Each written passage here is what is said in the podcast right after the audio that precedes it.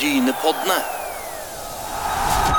Brynepoddene er på lufta igjen, og tusen takk for at du eh, hører på oss. I dag så skal vi innom litt økonomi, eh, rett og slett for å finne ut litt mer hva som gjør at Bryne fotballklubb har havna i rød sone. Eh, Det gjorde de nå denne siste runden. Det skal bli interessant å høre hva tidligere daglig leder i Bryne FK, Asle Kjøtta, og nåværende leder Hans Øyvind Sagen sier om akkurat den saken. Regner med det er litt uenighet om hvordan de har prioritert. Når det gjelder Bryne og Obos-ligaen, så vant eh, Bryne 1-0 hjemme mot eh, nedrykksklare Skeid, eh, som da ledes av Arne Erlandsen, som overtok Skeid 20.8. Han klarte ikke å redde de fra et nedrykk til Post Nord, og Sandnes Ulf tapte mm, 2-3 mot Fredrikstad. Helt på slutten så skåra Fredrikstad seiersmålet. Og som vi vet, så har jo Fredrikstad rykket opp for noen runder siden. Men tapet til Sandnes gjør nok at de er, eller det er ute av dansen for en eh, kvalifiseringsplass. Bryne de har et lite halmstrå. De to neste er Start borte og Sogndal hjemme. Det er to helt viktige kamper for Bryne. Skal de ha mulighet opp til sjetteplassen så er Sogndal og Start på femte har 42, Bryne har 38. Men det var nok om Bryne og Obos-ligaen, for nå er det økonomi og Bryne vi skal høre på. Og vi får eh, Asle Kjøtta som sagt, og Hans Øyvind Sagen i studio om eh, lite grann. Dalane Energi, et innovativt energiselskap med sterke tradisjoner. Nærmere enn du tror. Ekte og enkelt. Sjekk ut dalane-energi.no. Brynepoddene de fortsetter, og vi lovte litt uh, høy temperatur. Og jeg håper vi klarer å få opp uh, litt engasjement blant eh, eh, gjestene. Som Asle Kjøtta, som var daglig leder i Bryne fotballklubb fra 2015 og fram til 2020, vel. Og Hans Øyvind Sagen, som er nåværende daglig leder, eh, begynte i 2022. Og Hvis vi begynner med deg, eh, Asle. Når du kom inn dørene i, i 2015, eh, hvordan var situasjonen i klubben da? Ja, da var situasjonen uh, ganske dramatisk, egentlig. Uh, vi hadde en veldig anstrengt økonomi, og det visste jeg jo litt om, for jeg så faktisk som nestleder i styret i, i 2014. Eh, så, så jeg hadde relativt god oversikt over det, og så var det om, mulig enda litt verre enn det som jeg hadde fått fått bilde av. Så, sånn at eh, situasjonen var eh, veldig eh, dramatisk vil jeg si, når det gjaldt økonomi. Og det var jo derfor det ble liksom hovedtingen som, som uh, hovedmandatet mitt da, som daglig leder. Det var å, å ta tak i den økonomiske situasjonen og i sammen med styret og resten av, av klubben uh, jobbe for å, å, å snu, eh, snu den situasjonen og få klubben eh, opp på, på et litt bedre og tryggere nivå eh, økonomisk. Eh, nå vet en jo at den er kommet i rød sone. Så tenker jeg litt, Asle, når du går tilbake Det er ikke så vanskelig å vite hvorfor en kommer i rød sone. Nei, rød sone det er fordi at det er utgiftene er høyere enn inntektene. Men, men du måtte jo på en måte kutte kostnader. Måtte du òg gjøre noe med inntektssida. Hvor vanskelig var det? å på en måte styre i det farvannet du har sterke sponsorer eh, som krever sitt. Eh, var det vanskelig? Ja, det er kjempeutfordrende iallfall. For det, at, uh, det, er så, det er ikke så veldig mange knapper du kan trykke på. Uh, det er klart, det, det, som vi måtte gjøre, dessverre, det var jo at vi måtte sette i gang en, en, en prosess med nedbemanning ganske raskt. Vi var uh, 15 årsverk når jeg begynte. og i løpet av de to påfølgende åra så kutta vi ca. fem årsverk. Og det er ganske mye. Eh, vi hadde heldigvis eh, veldig lojale samarbeidspartnere, som jeg tror klubben har fortsatt, eh, som var med. Vi hadde et, eh, et sponsorbudsjett på, på ca. 15 millioner. Eh, men det er klart at det ble ekstra krevende eh, når vi skulle ha inn de pengene uten å ha folk til å gjøre det. Det, det betydde jo at det ble eh, veldig mye mer arbeid på, på oss som var igjen. Eh, eh, og så jobber vi selvsagt òg med å prøve å, eh, utvikle og finne nye inntektsmuligheter og, og utvikle de inntektsmulighetene vi hadde. Men det er klart, det er en eh, ekstremt krevende situasjon eh, der du ikke har så veldig mange eh, knapper å trykke på. Eh, Siste spørsmålet når det gjelder deg. Den kulturen som var i klubben, ble den endra når det ble så stramme tider, eller, eller klarte du på en måte å holde det som var bra? Ja, altså Det er klart, det, det blir en endring. For at det, alle som er i klubben, er nødt for å, å omstille seg og ta inn over seg den situasjonen en er i. Eh, så var jo vi òg veldig klar over at uh, dette kunne få konsekvenser i, i, forhold til sport. Og det gjorde det jo etter hvert. Uh, uh, og, og, men jeg følte at det, var en, en, en, god drive i klubben blant de ansatte som etter hvert var igjen. og det var en stor forståelse for at vi, vi måtte gjøre noe. og dermed så, så, Det var ikke lett, men, men, det er klart det blir litt lettere når, når du føler at du klarer å skape en intern forståelse for at dette må en gjøre og at, at de er med og drar lasset. Eh, når eh, Hans Øyvind, kom inn i 2022, så er det jo òg dette med kultur, å bygge en kultur. Eh, hvor vanskelig var det, og ønsket du endringer når du kom inn? Hva var det du så og møtte? Uh, ja, det, det, er godt spørsmål.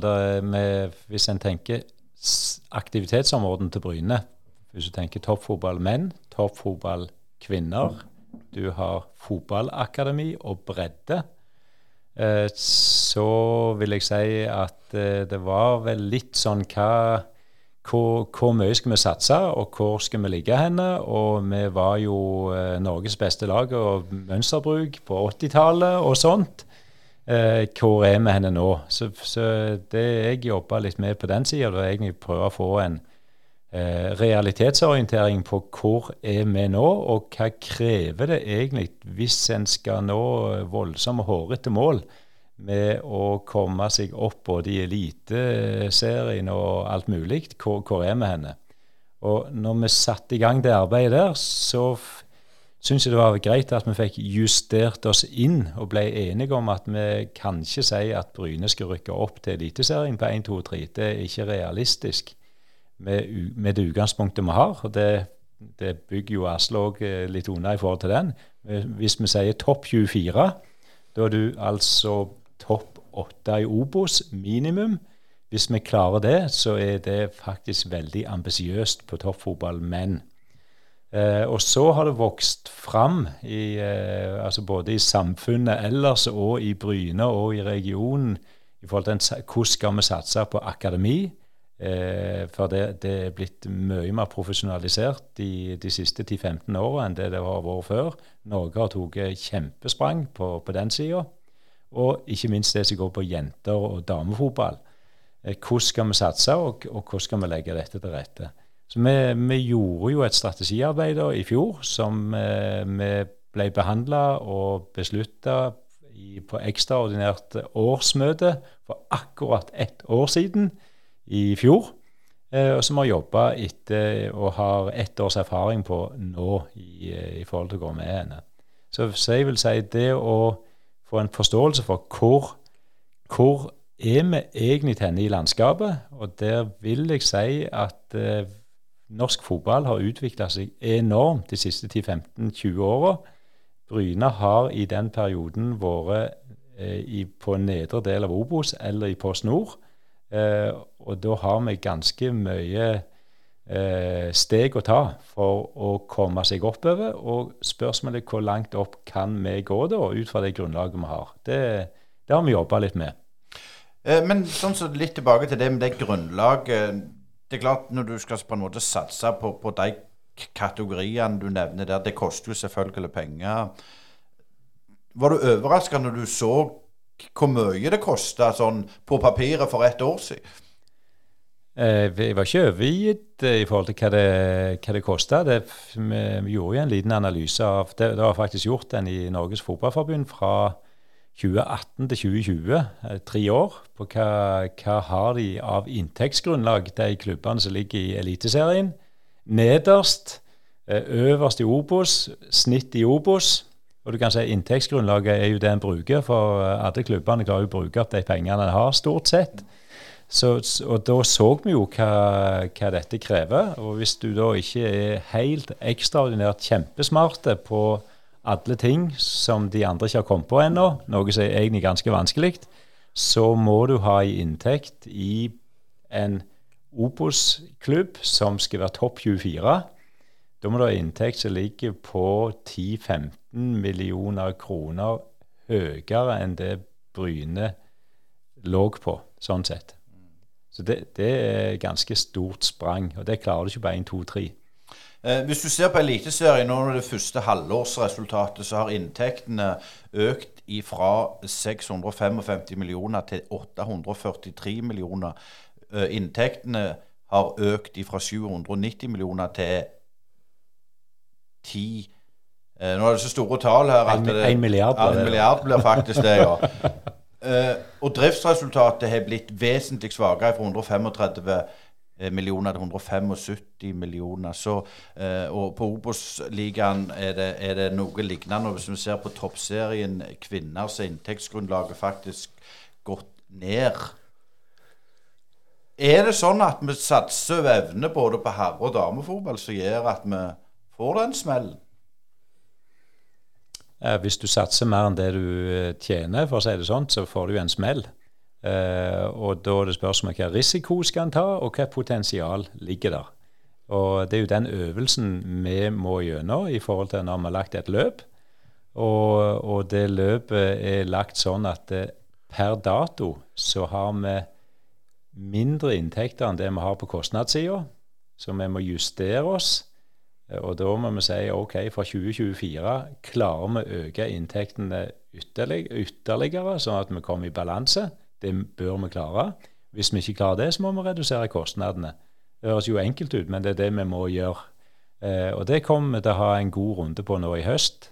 Eh, og, og, da tenker vi òg at vi skal ha eh, standard eh, i, nyinnført, for jeg forsto det var gjort før òg i Bryne, at en har en, et ekstraordinært årsmøte. Det hadde vi for så vidt i fjor òg, men at vi sier det sånn ca. november-desember gå gjennom hovedtrekkene i forhold til budsjett eh, for å legge føringer på hvordan vi, hvordan vi, setter i gang for 2024. Og Når du kommer til mars og har årsmøte og, og godkjenner et budsjett, så er du altså tre måneder inne i, i det, det året du legger budsjettet for. Og det blir litt sånn eh, Du har ikke reell diskusjon på budsjettet. Det har du jo før, altså når, når, før sesongen, før året begynner. Mm. Så, så vi, vi, legger opp til noe, det har vi diskutert i styret, og, og kommer til å legge opp til et, et årsmøte i desember, fast, hvert år. Begynn i år, der vi skal legge de føringene, sånn at vi ser at uh, stemmer kart og terreng i forhold til den strategien vi har lagt. Hvis det ikke gjør det, hvis vi ikke tror på det, så må vi justere oss. Men sånn Asle, når du kom inn i 2015, så, så når du ser tilbake nå, hva var det på en måte så, så der inntektsgrunnlaget svikta, hvor var det? Nei, altså inntektsgrunnlaget svikta ikke som sådan. Vi hadde, vi hadde høye inntekter. Vi hadde jo en omsetning på, på eh, 26-20 millioner eh, i Obos-ligaen når, når, jeg kom inn, og, og, eh, men kostnadene var for høye. Uh, og det måtte vi gjøre noe med. Uh, og det var, det, det var, jo det som ble den viktigste oppgaven i, i første omgang. Og det som Hans Øyvind sier, det er ikke noen quick fix her. Dette her, det, det å drive en, en, fotballklubb som har ambisjon om å være oppe i, i top, norsk toppfotball på herresida, det er knallhardt arbeid, og det krever enorme prioriteringer. For at uh, selv om du har fått ny medieavtale og det har kommet mer penger inn i toppfotballen, så, så øker kostnadene som en konsekvens av det. Eh, og dermed så er du nødt for oss å ha, ha uh, veldig tydelige og, og, og, harde prioriteringer. Det er klart at det, det er jo en ting som, som, uh, som jeg vet er vanskelig. For, for det, som, det, å drive en klubb som Bryne, f.eks., det er jo, at, det er jo sånn en Uh, evig balanse imellom Hvis du ser for deg to akser da, som krysser hverandre, der du på den ene aksen har den, den uh, eh, hva si, eh, profesjonelle delen, profesjonelle fotballdelen knytta til herresida.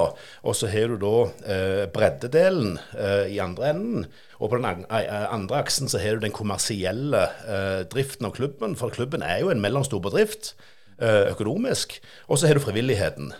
Så hvis du ser for deg det krysset der, det er det krysset Hans Øyvind og de må heller på å manøvrere i hele veien, som er kjempevanskelig og krevende. Det er mange hensyn å ta. Men, men jeg er ikke i tvil om at da, skal en lykkes med å, være topp 24 på, på herresida, så må en prioritere det knallhardt. Da kan en ikke si at alt skal prioriteres. for det, det å prioritere betyr å sette noe før noe annet. Uh, uh, jeg har litt inntrykk av ut ifra det jeg ser, leser i media, og sånn, at, at alt skal prioriteres. Alt skal, alt skal jobbes med. Alt skal, og det tror jeg er vanskelig.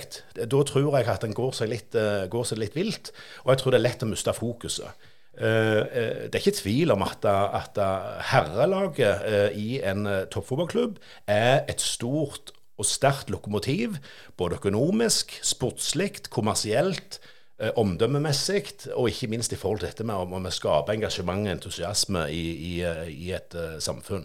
Sånn at det, og det er, det er, jo den store store utfordringen, tenker jeg, og som jeg opplevde sjøl når, når, når, jeg var der. At du hele veien må, må jobbe med, med hva si, de prioriteringene en mener er riktige for å eh, både eh, utvikle klubben i en, i en, god og rett retning, eh, nå de ambisjonene og målsettingene setter seg, og ikke minst eh, sørge for å ha et økonomisk bærekraftig fundament å stå på. Ikke bare på ett år om gangen, men over tid.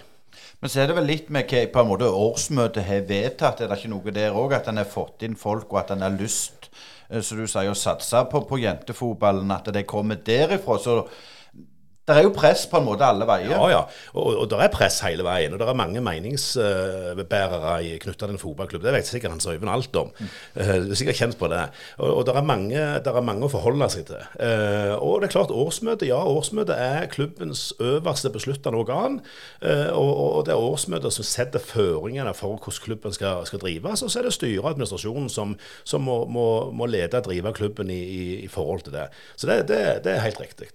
Hva, hva syns du Hans Øyvind, har det, det vært vanskelig å prioritere? og Har han prioritert rett, eller er det noe med det Asle sier, at det kan være vanskelig å prioritere alle?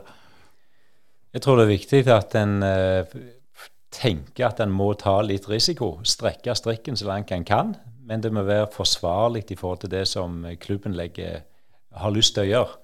Og i, uh, på årsmøtet i fjor så ble det vedtatt en strategi der vi satser på eh, toppfotballmenn. Vi satser òg på toppfotballkvinner. Vi satser på fotballakademi. Eh, og så har vi bredden som òg skal bygges opp eh, på, på, den sida. Så det er jo veldig ambisiøst, sånn som så Asle påpeker på, på den sida. Men jeg tror at eh, hvis vi Iallfall ut fra det som eh, jeg ser. for Hvis vi bare tar litt, eh, skeiner litt over og ser på andre klubber Strømsgodset hadde en eh, stor bank som sponsor som krevde at de skulle ha et kvinnelag som de satsa på. Hvis de ikke gjorde det, så var det ikke interessant å, å være i Strømsgodset. Eh, da ligger du bakpå. I Bryne er det veldig mye gode krefter for både jentesatsing og satsing på toppfotball kvinner. Det er ganske bra vilkår sportslig på den sida. Så jeg tenker hvis vi i, i år òg ikke skulle tatt tak på, på damesida og gjort noe der, så tror jeg at vi hadde hatt det ganske tungt. Nå vil jeg med hånda på hjertet si at vi har jobba hekkans hardt for å få til både damefotball, herrefotball fotballakademi, det som ligger inne der. Jeg har mest dårlig samvittighet for bredden i forhold til, altså, i forhold til prioritering. For det, der òg er det mye vi burde gjort mer enn det vi har gjort nå. Nå har vi fått noe gavefond osv. inn. Det er kjempebra. Så nå er vi i ferd med å få et treningsrom på plass. Det er jo godt finansiert, og da er jo det gode greier. altså det, det er ikke noe problem. Men i forhold til herrefotballen og i forhold til kvinnefotballen så ligger vi bakpå i forhold til de tiltakene vi har satt i verk i forhold til inntekter. Sant? Vi ligger tre, fire, fem måneder bak. Vi bygger opp for hver måned. Det ser sånn rimelig greit ut, men vi er ikke helt oppe der vi skal være. Så i forhold til om vi har gjort for mye eller for lite, så tror jeg at eh, hvis vi ikke hadde satsa på, på damefotball, ikke hadde ansatt en hovedtrener i full stilling i år, så ville det vært ganske vanskelig å argumentere til et neste budsjett og hvordan en skal satse, der en sier at ja, men har dere gjort, har dere gjort alt dere kunne? Og jeg vil si vi har gjort alt vi kunne innenfor de ressursene vi har til rådighet nå. Det kan vi fortsette med, men da må, da må, må årsmøtet og styret være med på å se på hvordan vi skal legge dette til rette. Vi, ta, vi kan ikke drive med underskudd. Vi må drive minst i balanse. Og da skal det, For at det skal være bærekraftig, så er det uten spillersalg. For når, du kan si, Vi har jo en egenkapital som eh, slår i taket i forhold til kravene fra Fotballforbundet. Vi har maks score på egenkapitalen vår. Det er en solid klubb. Men vi har ikke lov å bruke opp den sånn sett uten videre. Med mindre årsmøtet sier at OK, vi satser i to år. Så kjører vi, så ser vi hvor vi lander henne. Eller vi sier at den strategien vi har lagt opp til nå, den er litt for ambisiøs. La oss roe litt ned. Og så må vi se om vi klarer å få til et inntektsgrunnlag på dette. Men legg litt ned. Og det er spørsmålet som nå vil bli stilt utover høsten, og som blir tatt opp på nytt årsmøte i november-desember i forhold til hvor vi, hvor vi ligger henne. Jeg, og jeg tror at hvis vi ikke hadde gitt på gass i forhold til både herre-, dame- og fotballakademi, det som ligger inne nå i år, så hadde det vært en vanskelig diskusjon. For det ble jeg møtt med i fjor. Det første jeg ble møtt med, det var kjeft i forhold til hvor lite en hadde gjort av det som årsmøtet hadde bestemt at en skulle satse på. Eh, og da har du egentlig ikke gjort jobben i administrasjonen. Jeg vil si vi har kjørt på. Nå må vi ta konsekvensen og se skal vi fortsette, eller skal vi justere oss. Det er spennende, syns jeg. Er du, for, er du fornøyd med svaret her, Hansen? Ja, altså, altså Øyvind vet jo hva han snakker om, og han sitter jo med, med skoene på. Så, så, så det, det, er helt klart. Det, det, som bekymrer meg litt, det er jo at eh, Og det er ikke noe sånn som med Bryne å gjøre, men, men, det som du tar opp i forhold til Strømsgodset, det, det, det, er bekymringsfullt når, når, store samarbeidspartnere begynner å stille den type krav til klubbene, blande seg inn i driften på klubbene på den måten. Da er vi i ferd med å bevege oss i en retning som jeg tror er veldig uheldig, og som kan få store, store konsekvenser konsekvenser for mange klubber. For Det er klart, det er ikke samarbeidspartnerne som skal styre fotballklubbene. Det er det klubbene sjøl som skal gjøre. Og, og, og, og, samarbeidspartnerne må da ha tillit til at de pengene de bruker, de blir investert på beste måte ut ifra de prioriteringene klubben skal gjøre, og ut ifra de målsettingene klubbene setter seg. Eh, det som jeg syns er litt dumt oppi dette, det er jo at da, eh, når det gjelder dette med, med, med, kvinnefotball og satsing på jenter, så det er blitt, det er blitt for mye politikk, og det, det, er blitt en sånn kvinnekamp. Og Det syns jeg er litt sånn uh, dumt. For dette, det, er jo ikke, det ikke det det handler om egentlig. Det handler om å legge godt til rette for at både gutter og jenter skal kunne utvikle seg og bli gode fotballspillere, og, klar, og skal kunne nå de målene en setter seg.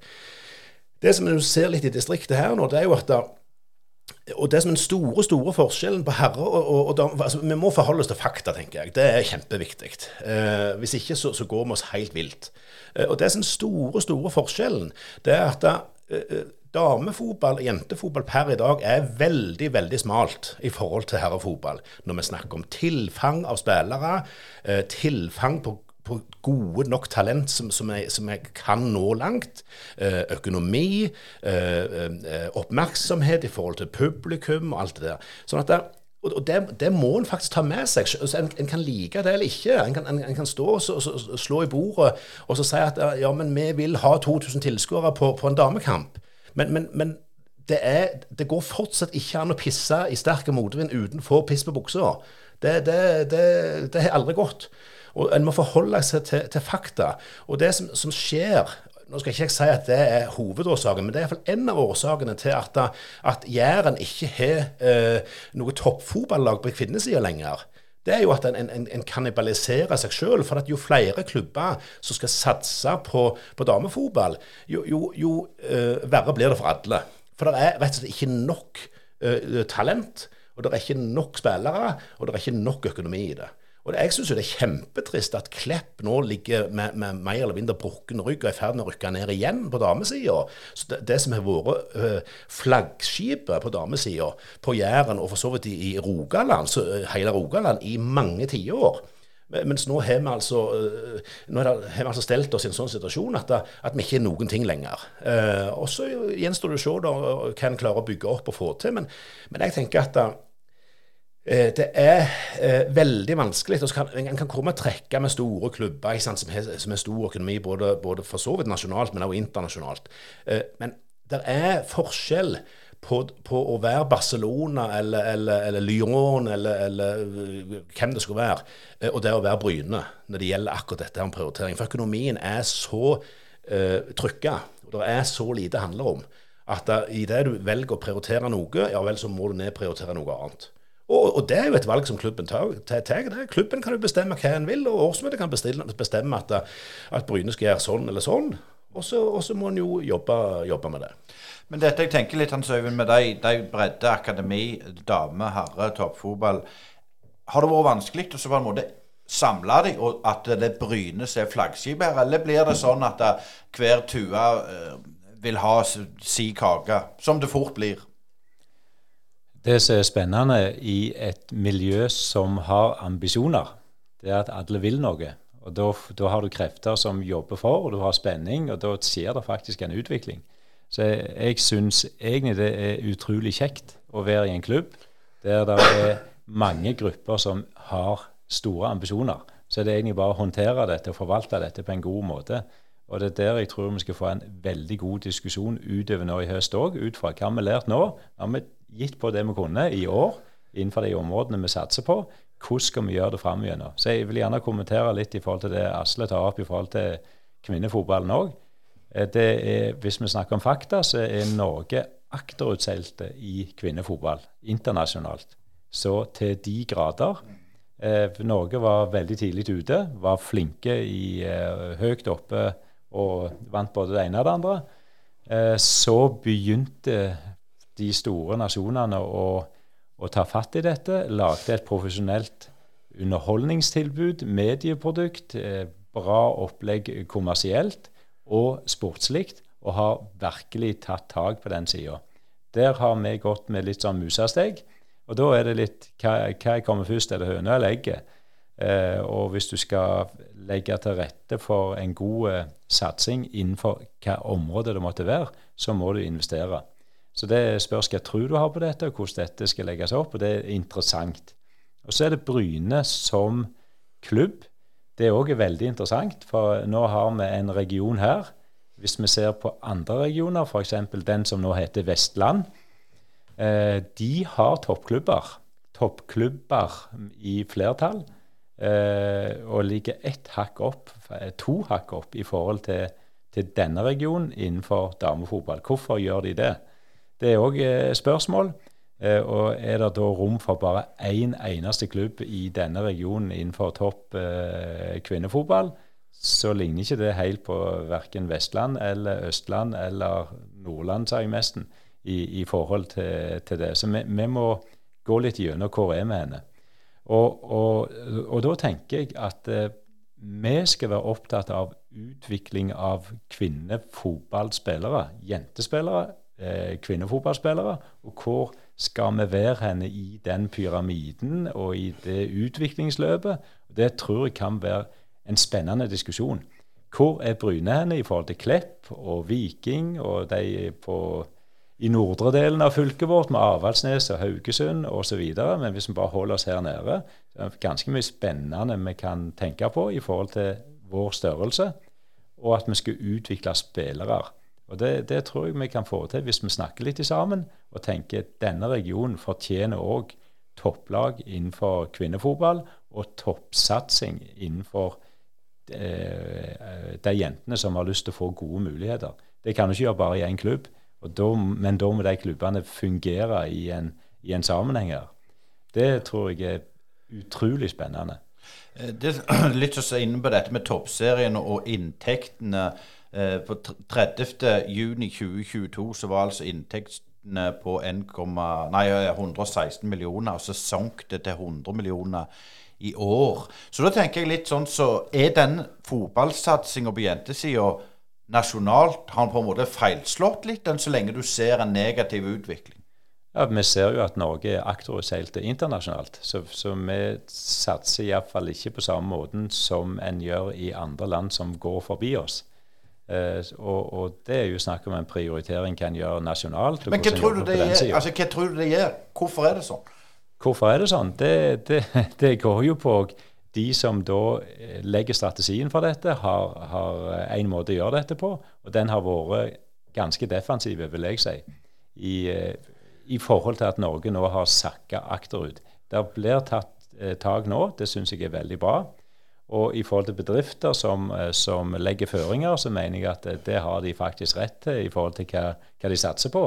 Hvis en bedrift satser på likeverd og bærekraft, så må de velge de idrettene og de eh, områdene som eh, er med og eh, hva skal vi si, en, kan assosieres i forhold til det. Hvis fotballen er kun menn, eh, og du har en kamp i forhold til, til damesida der, så, så, vil ikke fotballen tiltrekke seg de sponsorene sånn sett. Det har vi faktisk òg merka positivt da, i forhold til den sida. Når vi da har sagt OK, vi legger forholdet til rette for like muligheter, så har vi hatt større sponsorer som har syntes dette er veldig positivt. Og de har bidratt på ulike nivå. Og det har òg eh, gitt seg til syne i forhold til gavefond og det vi har fått på treningsrom, f.eks. På, på over halvannen million, sånn sett. Det, det, det, går på bredde, det går på like muligheter, det går på jenter, sånn sett. Og det, det syns jeg er bra at vi har fått, uh, fått et, et hakk opp på. Men, men Asle, det så, så på en måte du fikk litt kall det litt kritikk for at du var veldig tydelig på prioriteringene når du var daglig leder. At du sa A-laget menn var flaggskipet, det var der pengene kom inn. Eh, tenker du det samme nå, eller ser du at det er en mulighet for å få et høyere inntektsgrunnlag på og andre deler av klubbdrift? Nei, jeg, jeg, tenker fortsatt at det er utrolig viktig uh, for en klubb som Bryne å prioritere. Uh, det å være tydelige på hva er eh, hva, er pri 1 og pri 2 og pri 3 osv. Det tror jeg er kjempeviktig. Skal ikke jeg si hva som skal være hva, men, men det er viktig å, å gjøre den øvelsen. Um, Uh, og, og jeg, jeg, er ikke uenig. Jeg, syns jo det er flott jeg, at, uh, at en satser på, på jente- og damefotball. Jeg, uh, har aldri hatt noe imot jente- og damefotball i hele mitt liv. Jeg har vært, flere år som dametrener og jentetrener enn jeg har vært på guttasida uh, sjøl. Så det, det, er kjempeviktig. Det er kjempeviktig at jentene har like muligheter. og det tror jeg i stor grad de har. men det er klart at Erling Braut Haaland han, han har jo ikke blitt så god. han er blitt bare fordi klubben har brukt mye ressurser på å utvikle uh, guttespillere. Han er blitt uh, god for at han har stått på, på i Jærhallen og, og trent uh, hver eneste dag siden han var en liten neve stor, og lagt ned mye egeninnsats. Og det kan alle gjøre, det. Alle banene i distriktet her, stort sett halve, er jo åpne, og, og, du kan springe og spille fotball akkurat tid du vil.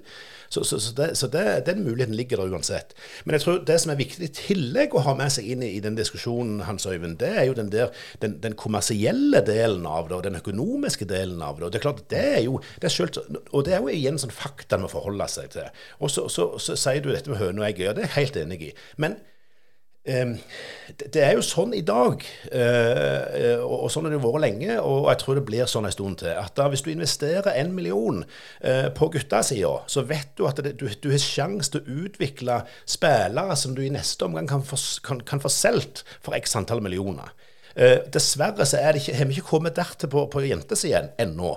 Uh, forhåpentligvis kommer vi der. For det, det, må være, det må være noen, noen, det må være, uh, noen økonomiske insentiver i forhold til hvis du skal, hvis du skal drive utvikling. Du må vite at du får igjen for, for investeringen du tar.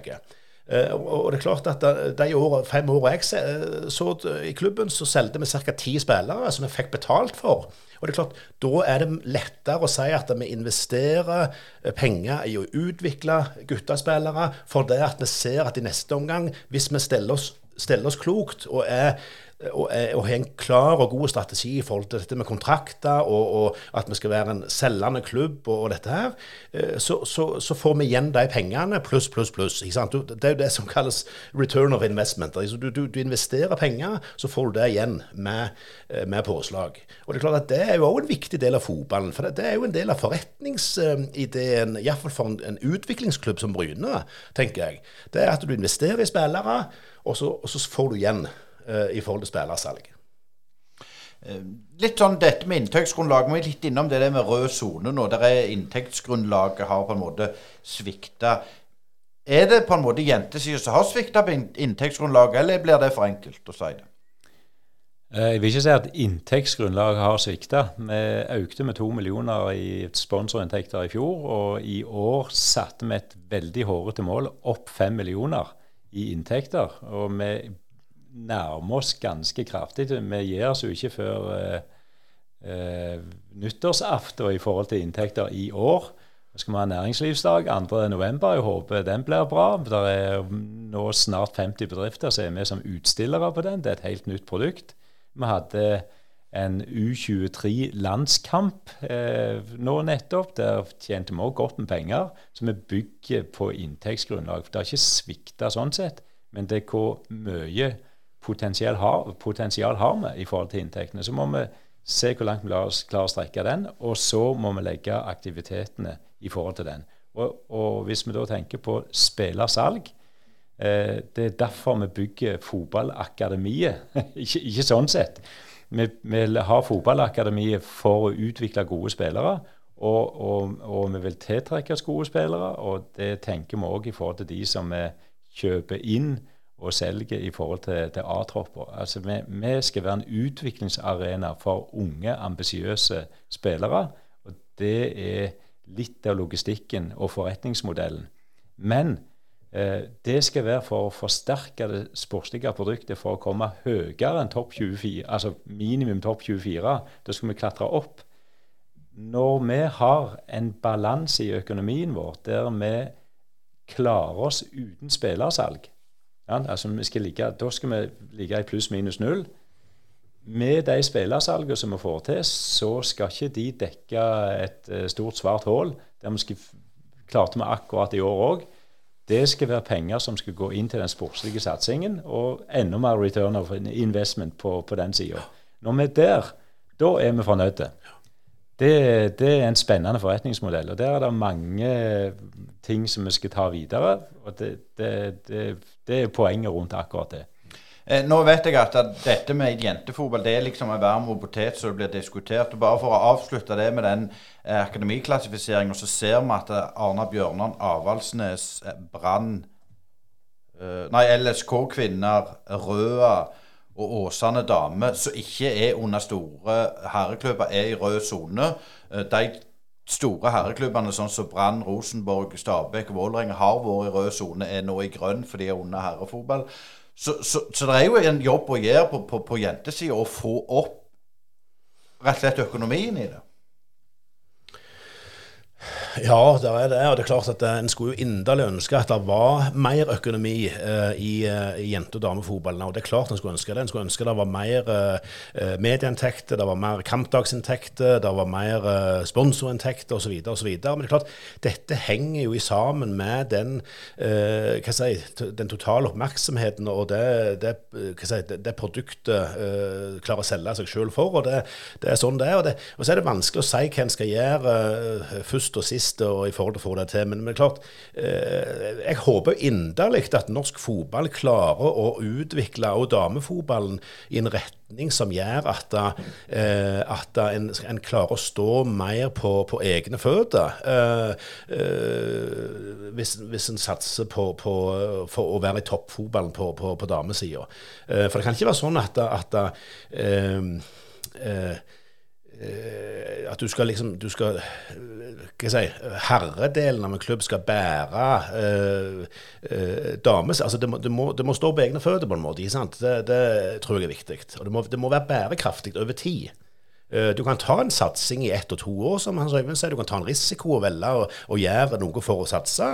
Det kan du gjøre. Men, men det må bære seg over tid. og Det er det som også gjør at jeg blir litt sånn bekymra når jeg ser at, at, vår klubb nå er nede i, i rød sone. Så er forhåpentligvis det for, forbigående. og Hans Øyvind kan sikkert si litt mer om hvorfor vi kommer der. Men, men, men, men eh, jeg vet hvor krevende det er som klubb å være der. Eh, og, og, Derfor så, så, håper jeg at det, det, er en plan for å, å komme seg opp i, i, gul og helst grønn sone. For klart at eh, skal det være bærekraftig over tid, så bør klubben ligge eh, jevnt over i grønn sone i forhold til disse rapporteringene rapporteringene hele veien. Om en av og til skulle duppe ned i gul sone, så er det mekanismer og årsaker som gjør at du gjør det av og til. Men, men, eh, for det er mange parametere en blir målt på. Men, men over tid så må, så må, klubbøkonomien bære seg. Eh, enten, er, eh, enten du driver med, med herrefotball eller damefotball, eller begge deler. Det du uttaler her at, at, at Bryne er i rød sone fordi de ikke har klart å oppnå et positivt driftsresultat uten inntekter fra, fra spillersalg, Hans Øyvind. Eh, med spillersalg, eh, hadde en da vært i grønn sone, eller hadde det vært tøft uansett? Ja, altså det, det, det er et sammensatt bilde, alt det der. Eh, og det, er kriterier du blir vurdert på. Vi har en egenkapital som er mørkegrønne. Mm. Vi har en arbeidskapital som ikke er grønne. Den er rød. Eh, og hvorfor enn det? Du har litt stang inn og stang ut. Vi, har, vi venter på innbetalinger fra Fifa Clearinghouse. Eh, det har vi gjort siden i vinter. Eh, det har aldri skjedd før. Og det er fordi at det, det er en ny måte å organisere solidaritetsmidler eh, Innbetalinger fra, mellom klubbene. Der er det jo 5 for, som blir satt av i et spillersalg, som går til de klubbene som er moderklubber til til, til de spillerne som blir solgt internasjonalt. Heldigvis så ble da Erling solgt i fjor sommer fra, man, fra Borussia Dortmund til Manchester City, så de kom ikke inn under de reglene til Fifa Clearinghouse. Det går, det går direkte fra Manchester City. Men uheldigvis så bestemte Manchester City i sammen med Borussia Dortmund at de pengene som skulle betales i overgang der, de skulle betales over fem år, og ingenting det første året. Det hadde ikke verken Fotballforbundet eller Molde eller noen andre heller hørt om som skulle få inn sånne penger. Hadde vi fått inn et tosifra millionbeløp i fjor, som da hadde vært litt sånn normalt i forhold til den, så hadde vi vært i grønn sone sånn sett i forhold til arbeidskapital. Eh, og nå, når du hadde det nye clearinghouset som begynte i januar i år å fungere, eller ikke i forhold til akkurat inn- og utbetalinger. Så venter vi fortsatt på penger fra, for Daniel Karlsbakk, som vi skulle fått. Eh, og, eh, og eh, vi har Jonathan Braut Brunes òg, som skal inn i samme opplegget. Hadde det vært på plass, bare det, som faktisk er fotball, fotballen sine egne organisasjoner, så hadde vi ikke vært i rød sone. Så det er en litt sånn ekstraordinært nytt forhold. Så har vi et par andre ting òg. Vi, vi, venter på en beslutning i kommunen i forhold til at Østerhus skal få lov til å få til et bygg opp mot Hetlandsgata. Eh, hadde det blitt eh, godkjent 2.2., det gjorde det ikke, og så ble det utsatt og utsatt og utsatt, så hadde det òg vært million, millionbeløp som hadde kommet inn på vår konto. Det har vi avtale på når det settes i gang og en mulighet for å gjøre ting på, på den sida. Så det er litt sånn stang ut. Men, men, det er typisk i forhold til at eh, vi driver helt opp på grensen til nullresultat. Og hvis du da får litt over ripa eller litt stang ut, så havner du et par hakk ned. Da mangler du penger. Så, så, så, i forhold til å drive på den måten vi gjør, så er du avhengig av at du får stang inn. Så, så bare det gjør at eh, du kommer ned i feil sone. Eh, og det er forbigående sånn sett. Du får jo disse pengene, men det er bare hva tid du får dem. Eh, men vi må drive med minst null resultat i forhold til alt som skjer i klubben, inntekter i forhold til kostnader, uten spillersalg. Og det det med, hvis vi hadde hatt det, så hadde ikke det gjort noe i forhold til eh, Karlsbakk og Brett Brunes og Erling osv. For det er jo spillersalg som, som kommer.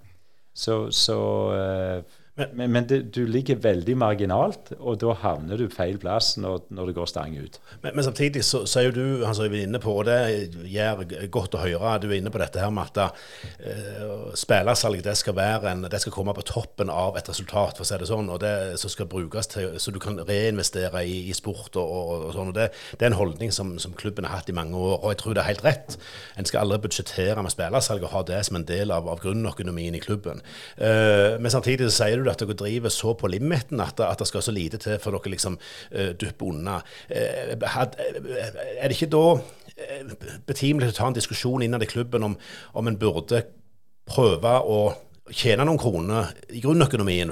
Altså, altså At en klarer å gå med et, et, et lite plussresultat hvert år, sånn at en klarer å, å, opparbeide en litt mer robust økonomi som, som tåler eh, små svingninger, eh, uten at en skal dette ned i, i rød sone. Ja, og det er den diskusjonen vi nå må ha i høst i forhold til budsjett 2024. Hvor skal vi legge oss henne? Skal vi fortsatt strekke strikken og ligge helt på, på grensen på det som er mulig, og få noe stang ut av oss, så blir det, da blir det dårlige resultater. Eh, men det kan fort gå godt òg. Men det, da tar du risiko. Så hvor mye risiko skal vi ta? Det må vi ha et godt beslutningsgrunnlag for når vi kommer til november-desember og skal legge løpet for for 2024. Så jeg er helt enig i at det, det, det optimale det er jo at du har en buffer som ligger inne der, og så er det hvor fort du går fram. Og Hvis vi senker farten litt, hvis en tenker det, så kan du gjerne bygge opp en større buffer, og med spillersalg. Roe litt ned der òg. Eh, og så har du den bufferen til, til, til egentlig til å hvile på. Egentlig så har vi den bufferen nå, med salget av eh, Erling Braut Haaland fra Borussia Dortmund til Manchester City i fjor. Den, altså Vi fikk jo et veldig bra resultat i fjor. Vi har en veldig bra egenkapital. Men det litt spesielle er at vi har ikke pengene på konto. De, de kommer, og vi vet de kommer. Med mindre det skulle skje noe i Manchester City. Det tror jeg ikke på de neste fire årene. Jeg tror de fortsatt kommer til å være der. Så, så egentlig så har vi den bufferen inne, men for det at vi ikke har pengene i banken, så får du en dårlig score på fra Fotballforbundet. Men sånn, Asle, du, du er jo eh, opptatt av dette. Du har vært i denne situasjonen som Øyvind er nå. Dere var i, rød sone. Dere gjorde grep så det ble grønn sone til slutt. Men så var det det du sier, at det, det kosta et nedrykk, og en, en, kom seg opp igjen. Men eh, hvilken råd vil du gi? For jeg, altså, når, når krybben er tom, så bites hestene. For det er klart, du forklarer det godt her, men det er klart de der ute tenker jo eh, er solgt. Eh, jeg trodde Bryne hadde så mye penger. De kan bygge stadion og se det i rød sone. Så folk forstår jo ikke dette. Er du redd altså, at denne historien blir en måte falmer litt? Nei, jeg er egentlig ikke det. For jeg, har veldig tillit og tiltro til de som sitter og styrer klubben i dag, at de har kontroll på situasjonen og, og, og, og vet, de vet veldig godt hvordan dette henger sammen. Og, jeg tror, uh, uh, som Hans Øyvind er inne på, så tror jeg helt sikkert at klubben nå i løpet av vinteren må, uh, må innse og ta en liten realitetssjekk og innse at det nok er lurt å og prøve å innrette seg på en sånn måte at du, du klarer å bygge en litt mer robust økonomi som, som, som står seg og tåler, eh, tåler svingninger over, tid. Og, og, og, en har jo egentlig ikke noe valg heller, for det er klart at uh, rapporteringsregimet er veldig strengt. Jeg tror det har blitt strengere enn, det var i min tid, uh, og det har vært veldig positivt for norsk fotball. for det, at, det var nok en del klubber som var vel risikoorienterte før i tida og, og tok mange sjanser og brukte penger som, som de ikke hadde. Eh, nå har en fått dette inn i litt mer ordna former. Og det er jo faktisk sånn at eh, rapporterer du Det er vel fortsatt sånn at eh, hvis du rapporterer tre perioder i, i rød sone, så blir du underlagt sanksjoner og, og, eventuelt poengtrekk. Og i verste fall så kan du bli degradert i, og tatt ifra lisensen. Og det er klart at det, når du har det bakteppet, så har du ikke noe valg. Da er du nødt for å du er nødt for å jobbe med dette og innrette klubbøkonomien på, på en måte som gjør at en, tåler svingninger. Og det, det, er helt naturlig. For det som jeg sa i stad, eh, en, en, fotballklubb er en, en, eh, en bedrift eh, som, som, tjener penger og bruker penger, og som aller helst bør gå med et lite overskudd hvert år og bygge en, en egenkapital, en, en solid økonomi. Litt helt til slutt når det gjelder dette her. Nå vet jeg fra, eller Brynepodden sitter på informasjon om at at det blir ny, ny regnskapsfører fra, fra, januar av. Er det noe med dette røde røde holdt på å si, nivået gjør, eller er det bare en, en, en normal utskiftning? Det er en normal utskiftning av, av, av en som har jobba i mange år og gjort en kjempejobb for, for Bryne. Men, men, hun har så mye å gjøre at hun måtte ta et valg. Eh, og da har vi en runde nå i forhold til andre aktører som òg jobber med toppfotballklubber, og som har lyst til å jobbe for Bryne. Så vi har, eh, vi har, flere i konkurranse der. Det er en veldig god situasjon sånn sett. Og uh, i forhold til økonomi nå, så, så vil vi ha en, en, hva skal vi si, en glidende overgang. Det er ingen som slutter tvert av og smeller med dørene her. Altså Her er det snakk om å gjøre ting på en fin måte. Og at de som kommer inn på, på nytt nå, skal få, godt, uh, de skal få en god overlapp i forhold til hvordan vi gjør økonomi. For det er utrolig, det er en utrolig viktig funksjon for eh, at, at, den blir fulgt godt opp. Og det har den blitt i de, i, i de årene jeg har Eller de, siden jeg begynte, og jeg vil si når jeg begynte, så kom jeg til et, et dekka bord i forhold til at det var god oversikt på hvordan ligger det an økonomisk. Eh, siste bolk her nå i, i denne Brynepodden. Det går litt på stadion, for der òg eh, har vi fått en del spørsmål. Hvordan det ligger an. Du, du, nevnte det litt, at du venta på, på kommunen. Men, men der òg, vi tar deg Asle, dere òg jobbet med en stadion der det ikke ble noe av. Stangte litt. Det ble litt stong ut der òg. Og, og, og disse mekanismene prøver altså å få litt informasjon om dere som sitter på innsida. For der er fryktelig mye ved rundt forbi. Ja, det er det. Og så er det veldig kompliserte ting, det der. For, at, uh, for at du, du, eh, du, skal ha, du, skal ha, kommunen med på laget, du skal få godkjente planer. Der er, er, er så mange ting en må forholde seg til når det gjelder dette med, med eiendomsutvikling og, og, og, stadionutvikling og bygging osv. Altså det, det er kjempekomplisert. Og, og Eh, nå vet ikke jeg hvordan en innretter seg klubben nå, men det er klart at på min tid så var vi veldig opptatt av det å ha krefter i, eh, eller ha kompetanse i styret, bl.a. Kompetanse på dette med eiendom, eiendomsutvikling, jussen oppi dette osv. osv. Altså, det er veldig eh, krevende. Eh, så oppfatter jeg at det er positive signal nå i forhold til at du får kommunen med på laget, for det mener jeg er helt avgjørende. Hvis du klarer å utvikle stadionområdet, som etter mitt ved nå ligger som en skamplett i Bryne sentrum, så, så må en ha, eh, det jeg alltid sagt, en må ha en treenighet som består av kommune, næringsliv og klubben, til å dra dette i samme retningen, til å lage gode planer og til å få dette på plass.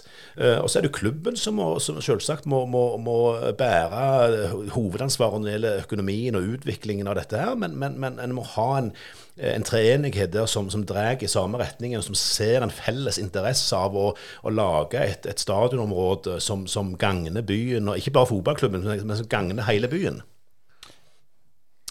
Ja, eh, og det å bygge en stor og fin stadion, eller en bærekraftig stadion som er akkurat liten og stor nok til at vi faktisk kan gå rundt økonomisk. Det må ikke bli en ryggsekk med forpliktelser som gjør at uh, Det må ikke bli en Østerhus Arena, for å si det sånn? Uh, Østerhus Arena er veldig fine, men det er ikke godt når, når, den tynger deg i forhold til at du faktisk har et kjerneprodukt som er toppfotball, sånn sett, og du skal jobbe godt med bredden og med alt.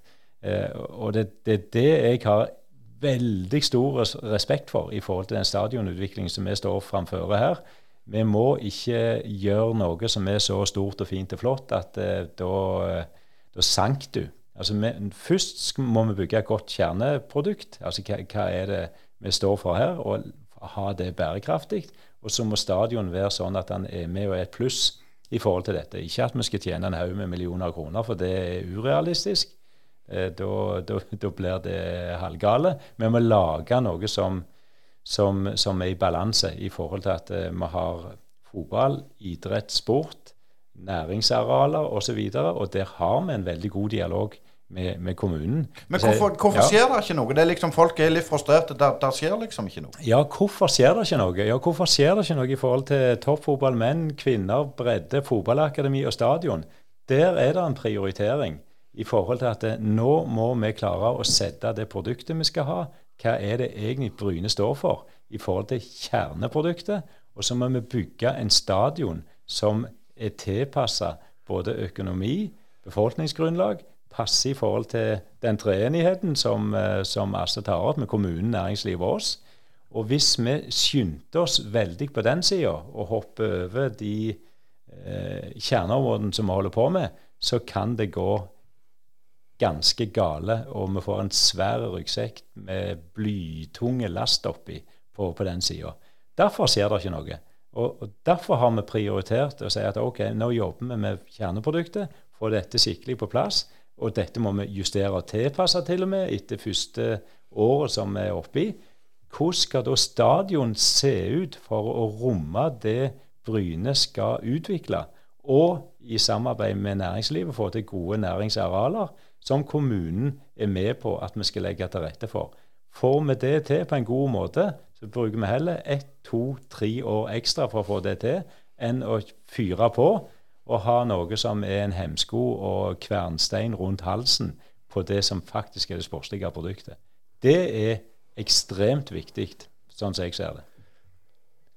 Ja, og der, der, er jeg helt enig med Hans Øyvind. Og, det er klart at jeg, jeg har jo vært blant de som har vært kjempeutålmodige i forhold til dette. Vi har, en, en, vi har jo en gammel stadion som er utgått på dato for uh, ikke bare måneder siden, men mange mange år, tiår siden. Uh, og, og, og, det er mest et under at en får lov å spille på den fortsatt. Uh, men jeg er helt enig i at dette må tas stykkevis og delt. Bryne skal ikke bygge noe stor, helhetlig stadion, sånn som vi ser på andre plasser. Det har jeg ingen tro på. Jeg tror heller vi skal skimte til f.eks. Sarpsborg, som har bygd en stadion stykkevis og delt. Tatt ei side om gangen. Eh, og det er bare å, å, begynne med en eh, stadion som har en kapasitet på 2000, og selge den ut noen ganger i året, eh, så lenge en har utbyggingsmuligheter og kan, kan utvide etter hvert. Det, det, er jeg helt enig i. Men det er klart, jeg tror nok at et, nå er jo Hans Øyvind forsiktig. Jeg tror nok klubben òg er ganske utålmodig i forhold til å komme i gang med noe på stadion. Og hva det blir, om det blir en langside eller en sving eller hva det blir, eh, det, det, tror jeg er viktig. Sånn at, både, at en ser en kommer i gang. Og jeg, jeg tror jo òg at når en første kommer i gang med noe, så vil det gå raskere å få på plass resten. Ja, det er klart. Eh, vi er jo interessert i å, å, vite hva som skjer rundt. Eh. Men Hans Øyvind, sånn framover, er, er, er, du trygg på, på, på, økonomien? At det, liksom ikke, at det er litt forbigående, at det går sport? Eh, damene gjør det veldig godt, herrene gjør det godt. Eh, akademiet går sin gang, og, og, som du sier, bredden, der er det litt å, å ta tak i. Eh, hvis vi skal trille en terning, eh, hvor fornøyd er du med, med det som har blitt prestert og gjort så langt? I forhold til det som er prestert sportslig, så vil jeg si fem. Vi ligger innenfor topp 24 på, på, menn per dato. Det er veldig bra. Vi har overprestert i forhold til A-lag kvinner. Der skulle vi etablere oss i ny nasjonal andredivisjon. Vi har rykket opp egentlig 25 rankingplasser fra 50.-plass til ca. 25.-plass nå, når du ligger på 3.-4.-plass. Det er mest ny norsk rekord. Skulle du gjort det til neste år igjen, så hadde du faktisk vært nummer én i toppdivisjonen, eller toppserien. Det, det, det, er ikke mulig. Så, så sportslig så har det gått bra. Eh, det, som er, det, som er, poenget, og det, det er ikke forbigående i forhold til økonomi, det er rett og slett å, å bli enige om hvordan skal vi legge løpet fram igjennom. Skal vi holde strikken oppe, sånn som vi gjør nå? Ett år til, to år til i den strategiperioden som vi er inne i nå. Vi har faktisk et godt eh, kapitalgrunnlag med en veldig god egenkapital. Ja, en liten detalj på at vi ikke har fått innbetalt de pengene som vi da har utestående i forhold til spillersalg og dette. Det er ikke helt normalt, men sånn er det. Eh, skal vi holde den strikken oppe, eller skal vi slakke litt ned og nå legge et grunnlag som sier at OK, hva, hva er bærekraftig fram gjennom? Hvordan skal vi kjøre det? Det er det er det som er spennende. Og i forhold til hva ambisjoner vi har, og hva økonomi vi har per i dag, så er vi på en trier. Hva sier du, Asle, om, om, hvis du deler det inn sånn, eh, sånn som så Hans Øyvind gjør? Nei, jeg tror han treffer, treffer godt. Jeg synes det har vært, vært, mye positivt. Og jeg syns det er veldig kjekt at en, en nå endelig er, er på, på herresida er oppe og lukter på, på kvalik oppover istedenfor nedover. Eh, bare det er et kvantesprang, og det, det, er mange år siden vi var der. Eh, det som uroer meg litt, grann, eh, det, er jo, det, er jo, den si, evnen og viljen til å prioritere, som jeg har sagt, og at en, en er spesielt i forhold til det med å utvikle spillere eh, og, og, få til framtidige nye spillere. Jeg, tror ikke Bryne får fram en ny Erling Haaland med det første, men det å få fram den type spillere som en i neste omgang kan selge og tjene penger på, uh, som en igjen kan investere, det, det er kjempeviktig at, at klubben tar det inn over seg og, og, og, er tydelig i forhold til prioriteringene rundt dette. For det er klart, det koster litt, uh, men det er òg uh, investeringer som, som, er mulig å få, få igjen. Uh, så, så Men det er veldig, veldig, bra vi, og veldig kjekt at vi, vi, vi leverer på, på, sport og kommer oss der. Og, og så, som jeg sa i stad, jeg, jeg, er veldig tiltro til at Hans Øyvind og hele klubben ser alvoret i den, den økonomiske situasjonen og, og, og tar noen grep der. Men Hans Øyvind, det er litt sånn når, når denne podden blir spilt, eh, så, så har vi spilt hjemme mot Skeid, og da vet vi jo hvordan det gikk. Eh, nå er det noen få kamper igjen. Der er los på en kvalikplass. Hvor mye inntekter kan Bryne få på, på en kvalik? Det er faktisk uh, utregna og kalkulert og satt opp på forhånd, så det er ingen hemmelighet sånn sett. Uh, det er et sammensatt bilde i forhold til historiske resultater, seks år og alt det der. Men det er én faktor som heter tabellplassering. Og det er kun den som gjelder i forhold til hvor, hvor du er henne. Så eh, du kan si fra en sjuendeplass til en sjetteplass så er det ca. 700 000 kroner opp. Det er mye penger. Og det har jo økt vesentlig etter du fikk den nye medieavtalen. Ja. For, for uh, noen år siden så var ikke det sprang uh, mer eller kanskje 100 000-200 000. Ja, og det, det, er det nå. Ifra, du kan si fra 10., 9., 8., 7. så er det en, et intervall der på en sånn ca. 150 000. Men fra 7. til 6. så er det uff, da går det opp 700 000. Pluss at du får ekstra kamp, kampinntekter i forhold til å spille kvalik. Og, ja, Da skal vi satt femteplassen, for da får du en hjemmekamp ja, ja, ja, ja, det hadde vært greit. Ja, men Jeg tror det får være siste ord. Og det var godt å få eh, Asle Kjøtta med og stille litt eh, gode spørsmål. Hans Øyvind var spurt jo stilt opp, og nå tror jeg både alle, både meg og lytterne, er mye klokere. Tusen takk for at dere stilte opp, Asle og Hans Øyvind. Dalane Energi, et innovativt energiselskap med sterke tradisjoner. Nærmere enn du tror. Ekte og enkelt. Sjekk ut dalane-energi.no. Du hører nå på Brynepoddene. En uavhengig og litt dypere podkast som gir deg lyden av ekte sport. Vi har studio på Bryne, og herifra sender vi deg motstemmen til den overflatiske og klikkorienterte sportsjournalistikken. Ja, det gjør vi så visst. Og syns du denne podkasten er kjekk og interessant å høre på, så er vårt vips nummer 61 08 28 61 08 28. Det går til drift og utstyr. Eh, og følg oss i sosiale medier. Instagram, X, YouTube, LinkedIn, Facebook og, og annet. Viktig for oss at vi får litt tilbakemeldinger. og Del gjerne våre episoder på de plattformene. Det er utrolig viktig for oss. Helt til slutt så må vi innom Tippeligaen litt. Eh, Viking gikk på en eh, smell mot eh, Tromsø i et fyrverkeri av en kamp. 3-4 ble det til Tromsø på eh, Jåttåvågen arena der. Og Viking er vel strengt tatt ute av gullkampen, og de eh, bekjemper hardt om en sølvmedalje og en medalje. Eh, men det får være siste ord eh, fra Brynepodden i denne omgang. Vi er tilbake neste torsdag. Og takk til Asle og Hans Øyvind for de sport de stilte opp. Og til deg som hørte på, tusen takk for uh, fulle.